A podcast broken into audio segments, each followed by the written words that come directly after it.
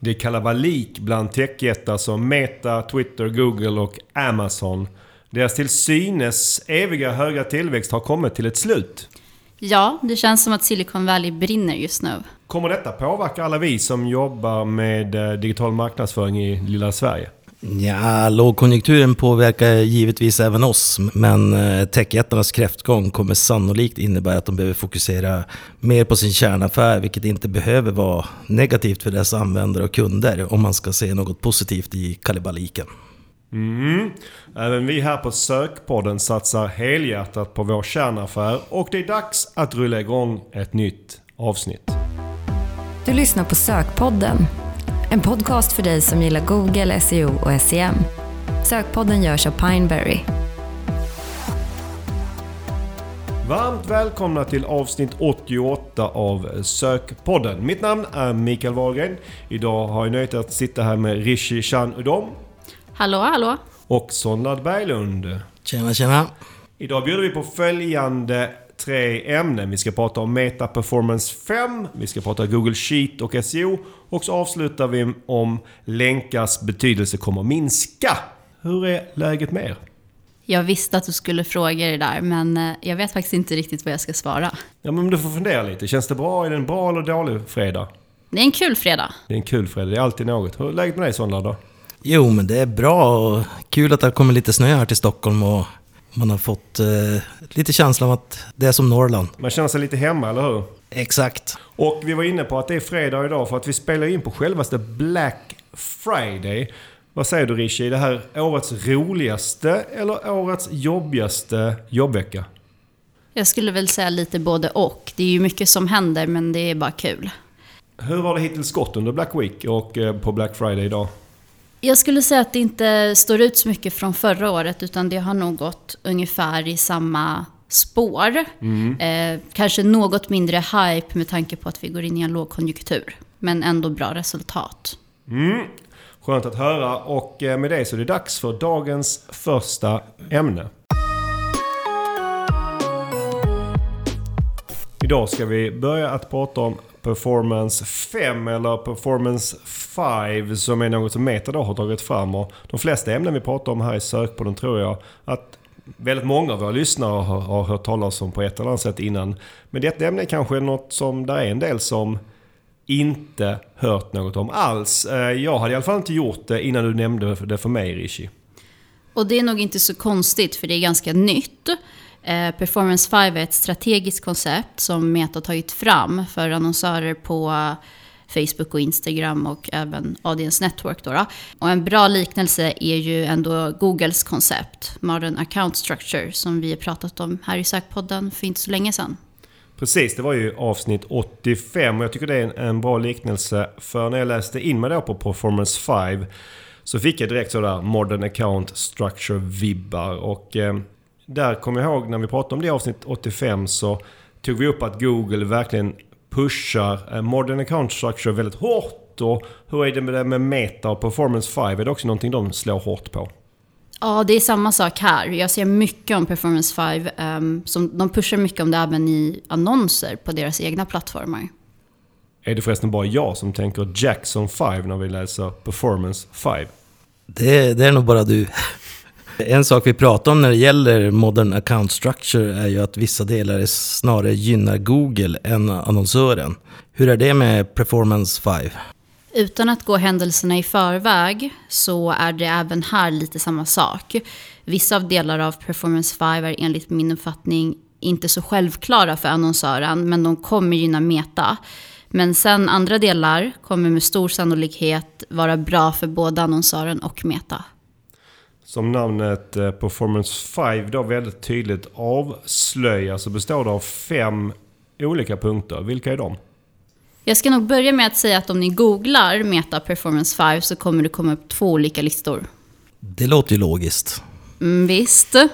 Jag vet inte riktigt varför de har gjort det så, men delvis så är punkterna liknande eller samma. Man har utgått från samma tes i båda genom att låta automation och machine learning göra mer av jobbet. Eh, punkterna på den ena listan är betydligt flummigare, men den andra listan som Meta riktar mer mot de små eller medelstora annonsörerna, Där har de kokat ner det till fem mer konkreta punkter som jag tror är roligare att diskutera kring. Okej, eh, vilka fem punkter har vi då på den icke så flummiga listan? Vi har API för konverteringar, vilket är KAPI.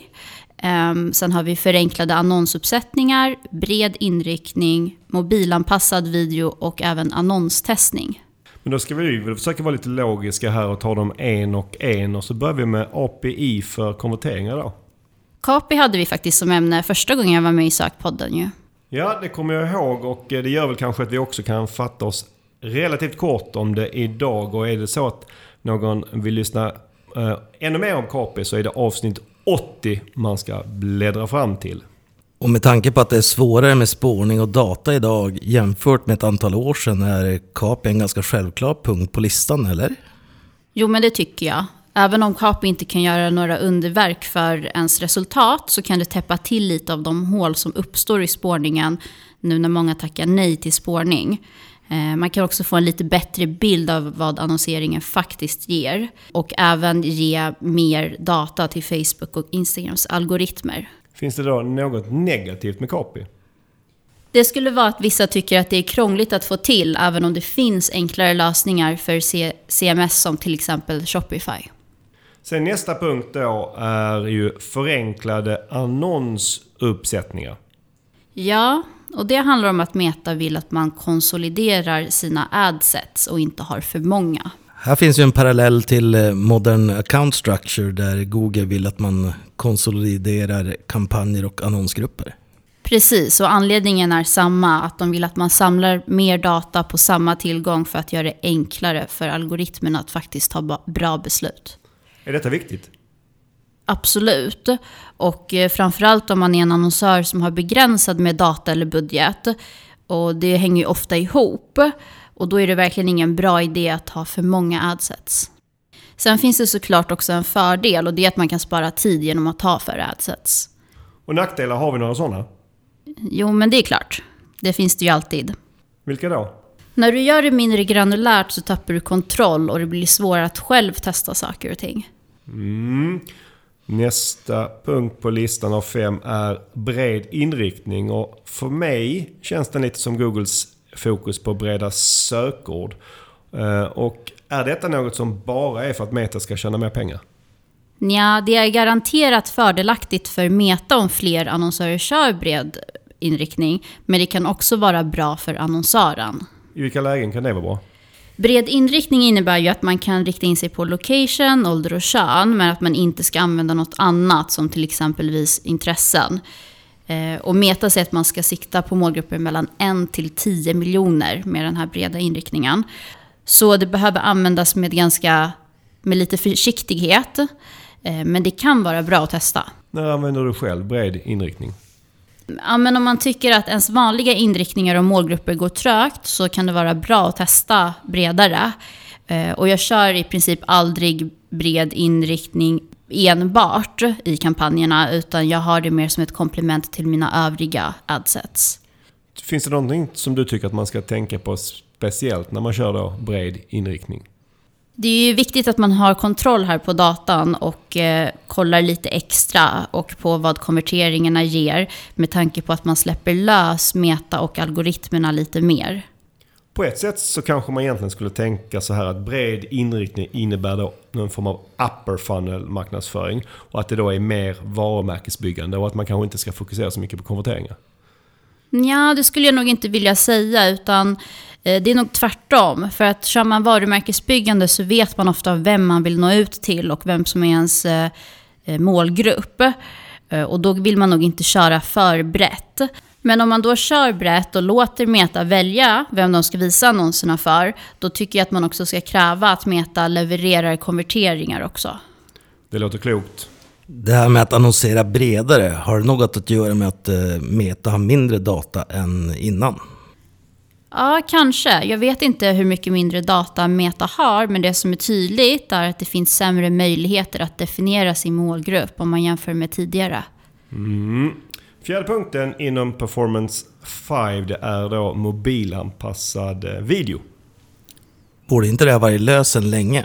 Mm, man kan ju tycka det, men jag upplever att det fortfarande är ett problem. På vilka sätt? Att man inte tänker i rätt format när man eh, skapar sina videos. Varför blir det så? Ja, men det är en bra fråga. Eh, en anledning är säkert så simpel att man gör videon på en desktop och inte funderar på hur det kommer se ut mobilt. Vilka format vill du helst ha? Eh, för feedet vill jag ha 4.5 och eh, för story vill jag ha 9.16. Får du alltid det? Nej, det är ganska vanligt att man bara får 1.1 som många använde tidigare. Eh, eller ibland till och med landscape-format, vilket inte alls är bra. Är det någonting man ska tänka på när det gäller mobilanpassade videor som inte är bara formatet? Längden är också väldigt viktig. Eh, det måste vara kort. Hur kort är kort? Jag skulle säga 15 sekunder max. Eh, det är ganska vanligt att man ser långa videos och ibland informationsvideos. Och det kan vara bra att ha på sin sajt men inte som annonser i sociala medier. Det var ord och inga visor. Sist ut bland våra punkter har vi annonstestning. Och där kanske jag ska börja med ett erkännande. Eh, för att jag skulle själv säga att jag är ganska bra på att tänka och strukturera mina konton för annonstestning. Framförallt då kanske på Google Ads, men jag tror principen gäller för all form av annonstestning. Och mitt erkännande handlar då om att även om jag är bra på att förbereda för det och strukturera det, så är jag extremt dålig på att följa upp annonstestningen. Och framförallt då kanske att agera på resultaten. Jag tror det är ganska många som kan känna igen sig i det där. Mm, det är i och för sig skönt att veta att det inte bara är jag, men varför blir det så? Det handlar nog om att man behöver mycket data för att man ska kunna känna sig säker kring vilken annons eller målgrupp som är bäst. Eh, Jag brukar tänka att det behövs cirka 10 000 visningar per annons för att man ska kunna ta ett beslut och det kan ju ta ett tag att nå. Men Meta bestämmer sig väl mycket snabbare än så? Ja, men jag tror det. Har man flera annonser i ett adset så bestämmer sig Meta ganska snabbt vilken eller vilka annonser som ska få mest budget och synlighet. Är det för att Meta vet mer eller chansar de bara?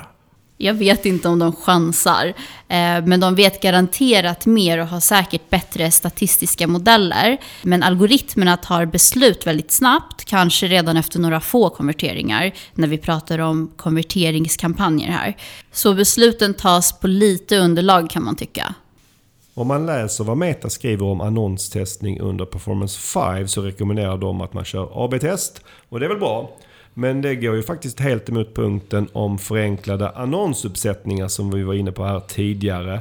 För AB-test innebär ju fler adsets och att man sprider datan tunnare totalt sett. Ja, de går emot varandra och det går inte riktigt att ha och äta kakan samtidigt här. Man får bestämma vad som är viktigast, hitta en balans mellan att konsolidera datan men även att kunna testa sina annonser.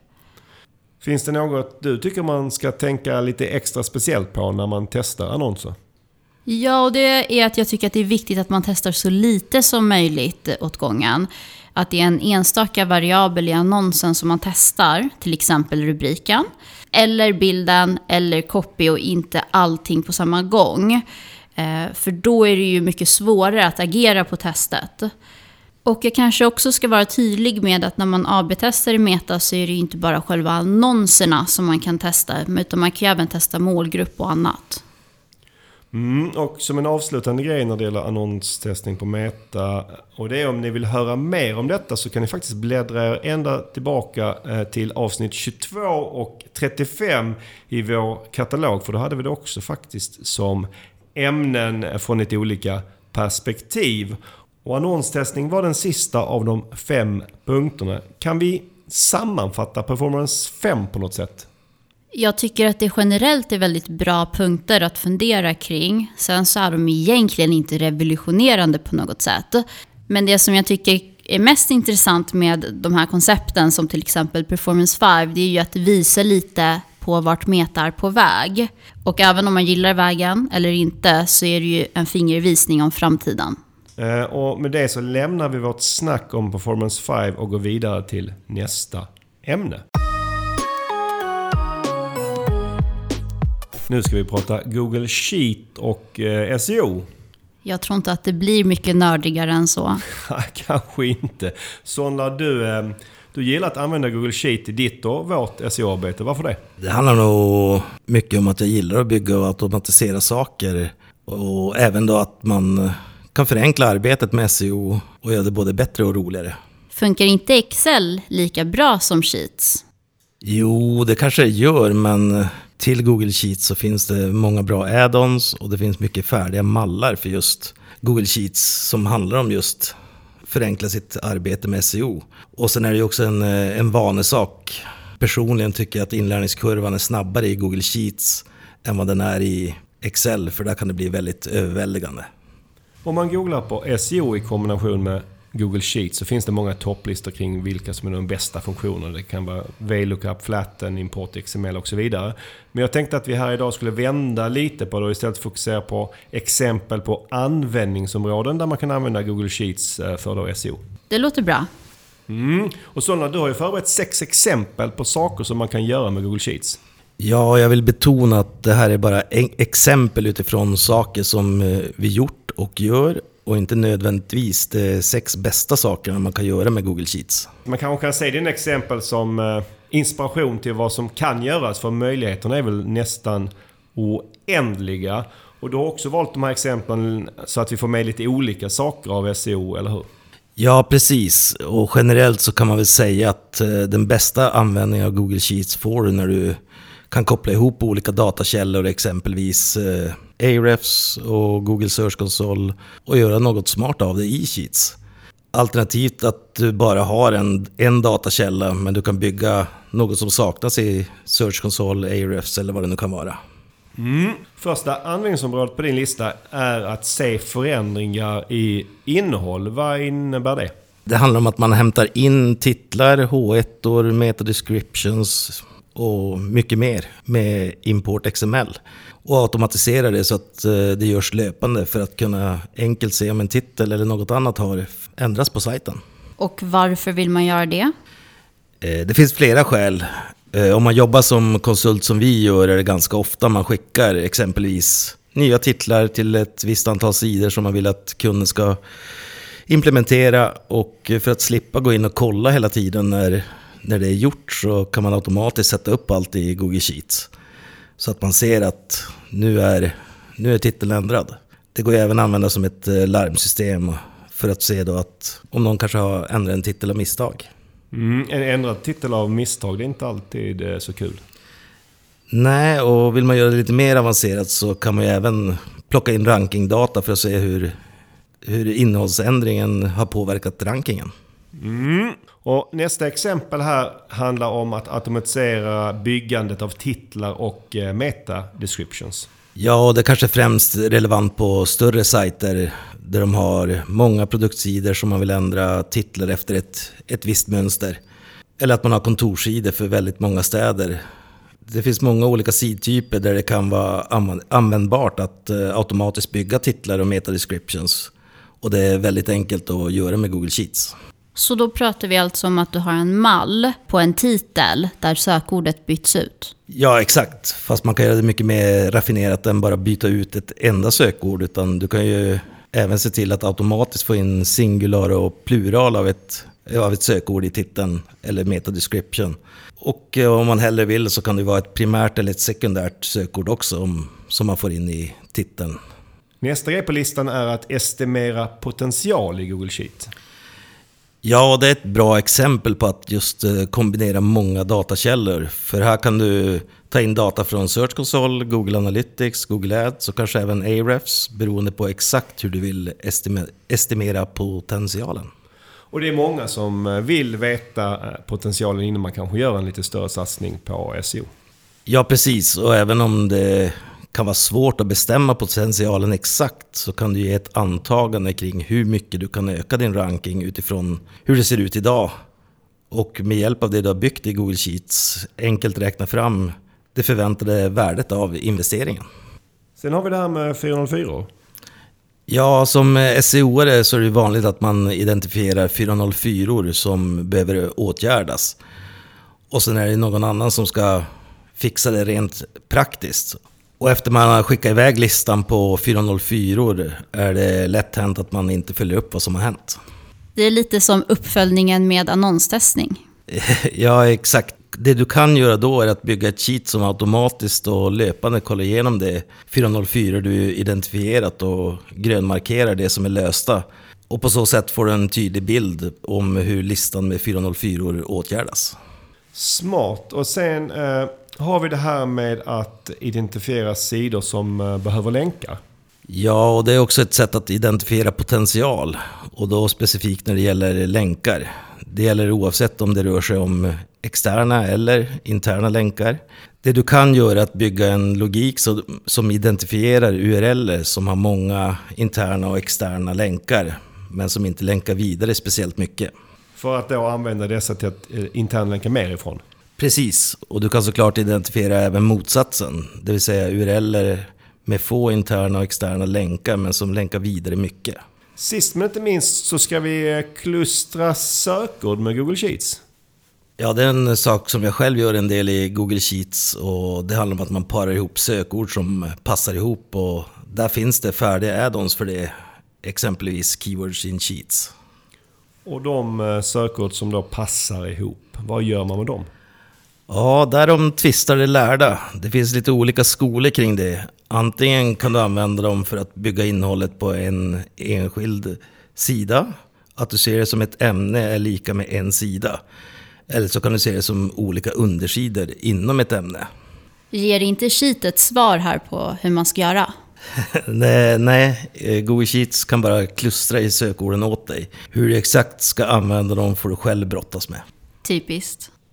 För just detta ändamål, att klustra sökord, eh, så tror jag att vi på Pineberry använder oss av två specifika verktyg, det vill säga inte Google Sheets, eh, för att göra detta. Och det, det, tror jag faktiskt gäller fler av de här användningsområdena som vi tagit upp idag. Vad är fördelen med att använda Google Sheets jämfört med då ett specifikt verktyg? Ett specifikt verktyg är ofta betydligt enklare att använda och kan också vara mer avancerat och kraftfullt. Men ofta så kostar det ju mer pengar. Att använda add-ons eller färdiga mallar i Google Sheets är ofta gratis eller kostar en mindre peng. Och sen kan man ju även bygga mycket själv också. Så det är en budgetfråga och även kanske en smaksak. Sist men inte minst, eh, Sonlad, använder du Google Sheets mer eller mindre i ditt SEO-arbete nu jämfört med för ett antal år sedan? Svårt att säga. Jag gillar Google Sheets och använder det mycket i mitt SEO-arbete och kanske framförallt med tanke på att jag jobbar med automatiseringar. Men med det sagt så borde jag nog nämna att jag på senare år jobbar mer och mer i Google Colab som är ett mer avancerat alternativ till Google Sheets. Där man också kan bygga roliga och smarta saker för SEO. Tack för det och eh, Google Colab kanske blir ett framtida ämne här i Sökpodden. Eh, och med det så avslutar vi eh, vårt snack om Google Sheet och SEO och går vidare till dagens sista ämne. Nu ska vi prata om huruvida länkars betydelse för SEO kommer att minska i framtiden. Vi har sparat det bästa till sist. Det beror nog på vem du frågar, men just länkar är ju ett favoritämne bland våra lyssnare, så är det. Och länkars betydelse känns ju som en evighetsfråga. Verkligen. Så länge jag har jobbat med SEO, det är ju snart 20 eh, år, har man i alla fall pratat om och förväntat sig att betydelsen ska minska. Eh, och vi har ju varit inne på ämnet här lite tidigare i sökpodden också. Min känsla när jag har hört om det är att många vill att betydelsen ska minska, eller har jag fel? Ja men så är det definitivt skulle jag säga. Och det grundar sig att det finns många som har en, en, negativ inställning till länkar. Att det är liksom något dåligt, men ja, för mig är det tvärtom. Hur, hur menar du då? Alltså när Google slog igenom med dunder och brak en gång i tiden så var det att de hade mycket bättre och mer relevanta sökresultat än de andra sökmotorerna som fanns då. Och länkar var en av de avgörande delarna till att de just kunde presentera så bra sökresultat. Och länkar är fortfarande idag en viktig källa för Google när de ska bedöma relevans och auktoritet. Så för mig är länkar en bra sak eh, med Google. Anledningen att en del har negativ syn på länkar är ju för att det går att manipulera. Men detta gäller ju även andra rankningsfaktorer. Men på något sätt så har det blivit mer känsligt när det gäller just länkar. Mm, verkligen. Och anledningen att länkar fortfarande är en eh, relevant rankingfaktor är ju att det relativt sett andra rankingfaktorer ändå är ganska svårt att manipulera. För det går ju inte att komma ifrån att länkar stått pall mot tidens tand och fortfarande nu 20 år senare högst relevant inom SEO. Så kommer eh, länkar minska i betydelse då? Ja, det är en eh, relevant fråga att ställa sig och anledningen till att vi eh, tar upp detta ämne idag är ju att allas vår John Mueller uttalat sig i frågan här alldeles nyligen. Och i och med att vi alla försöker tolka vad han egentligen säger så tänkte jag att vi ska kanske lyssna på vad han sa. Så att alla kan göra sin egen tolkning. Och detta ni kommer höra då är från Googles podcast Search of the Record. Där John Mueller säger så här om framtiden för länkar.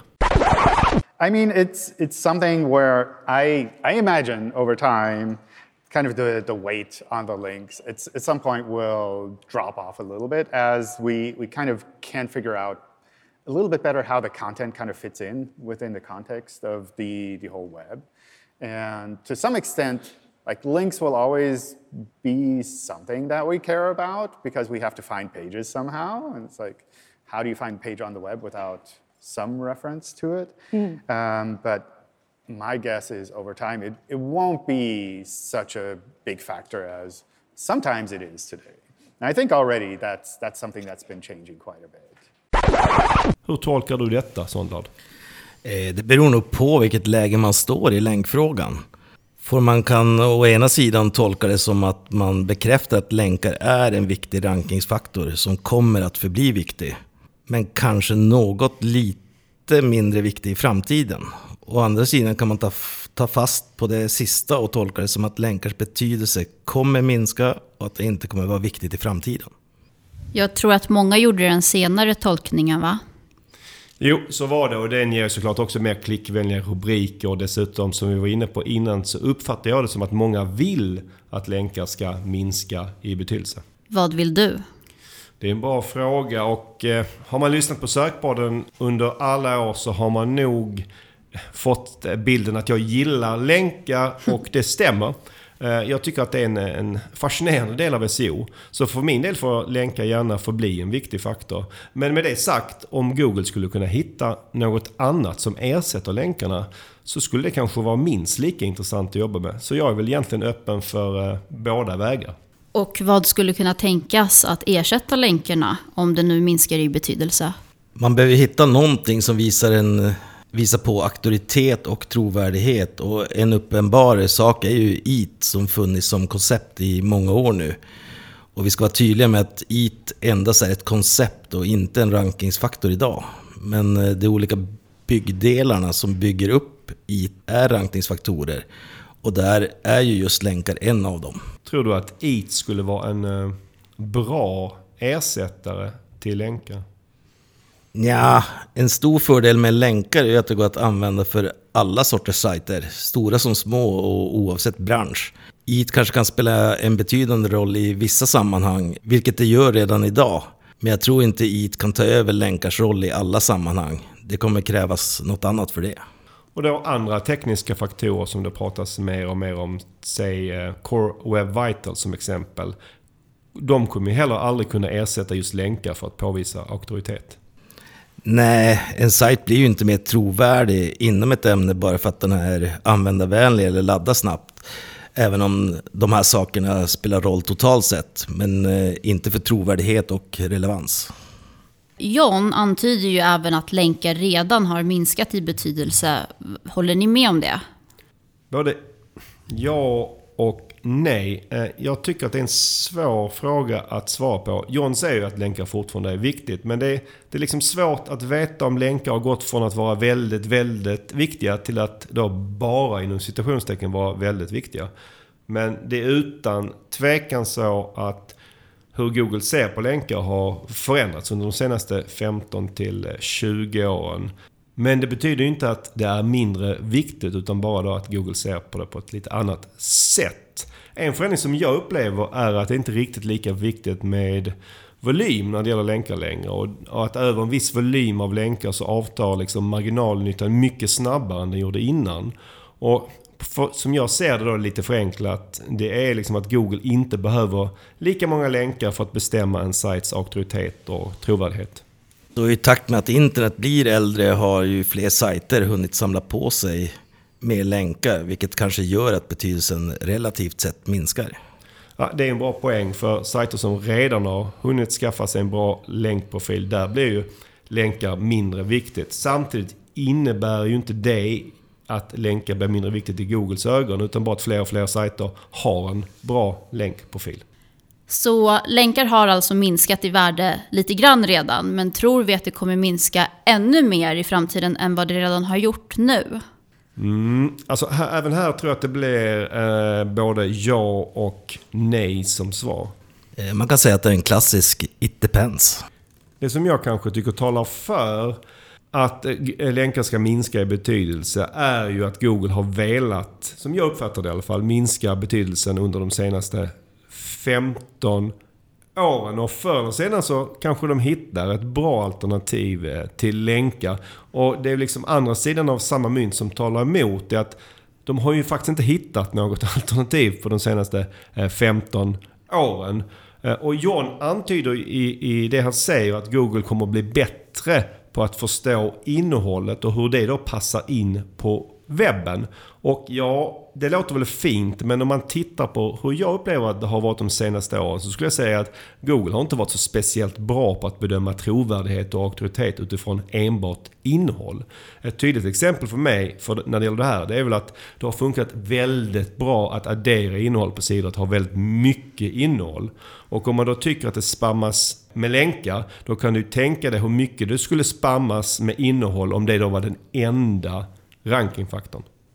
Ja, och framförallt om man lägger till maskinskrivet innehåll i, i ekvationen. Och om man som jag då tror att maskinskrivet innehåll kommer bli bättre och bättre så skulle det tala emot Google att de kan förlita sig på bara innehållet när det gäller auktoritet. Om vi ändå tänker oss att länkar minskar något i värde som John då är inne på. Vad är, förresten, vad är något? Är det 10, 20, 30 procent? Vi kan köra på 20 procent. Okej, okay, men om vi då säger att länkar minskar 20% i betydelse. Vad kommer det innebära rent praktiskt? Sannolikt inte så mycket. För om vi antar att det fortfarande är en viktig rankingfaktor och Google inte hittar något nytt som ersätter länkar, då är det väl rimligt att tänka sig att påverkan är marginell. Så det kommer inte märkas alls?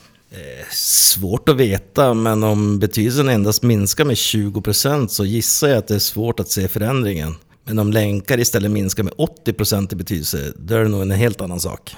Det här eh, uttalandet från John fick ju eh, mycket uppmärksamhet. Varför tror ni Google kommunicerade som de gjorde? Jag är helt säker på att John visste att hans, att hans svar skulle få en stor uppmärksamhet. Och det handlar väl delvis om att Google ser framför sig att länkar kommer minska något i betydelse i framtiden. Men även att eh, de inte vill att man ska tänka länkar alls. Mm. Och den här uppdelningen i branschen kring just länkar, det är ju något som Google till stor del ligger bakom.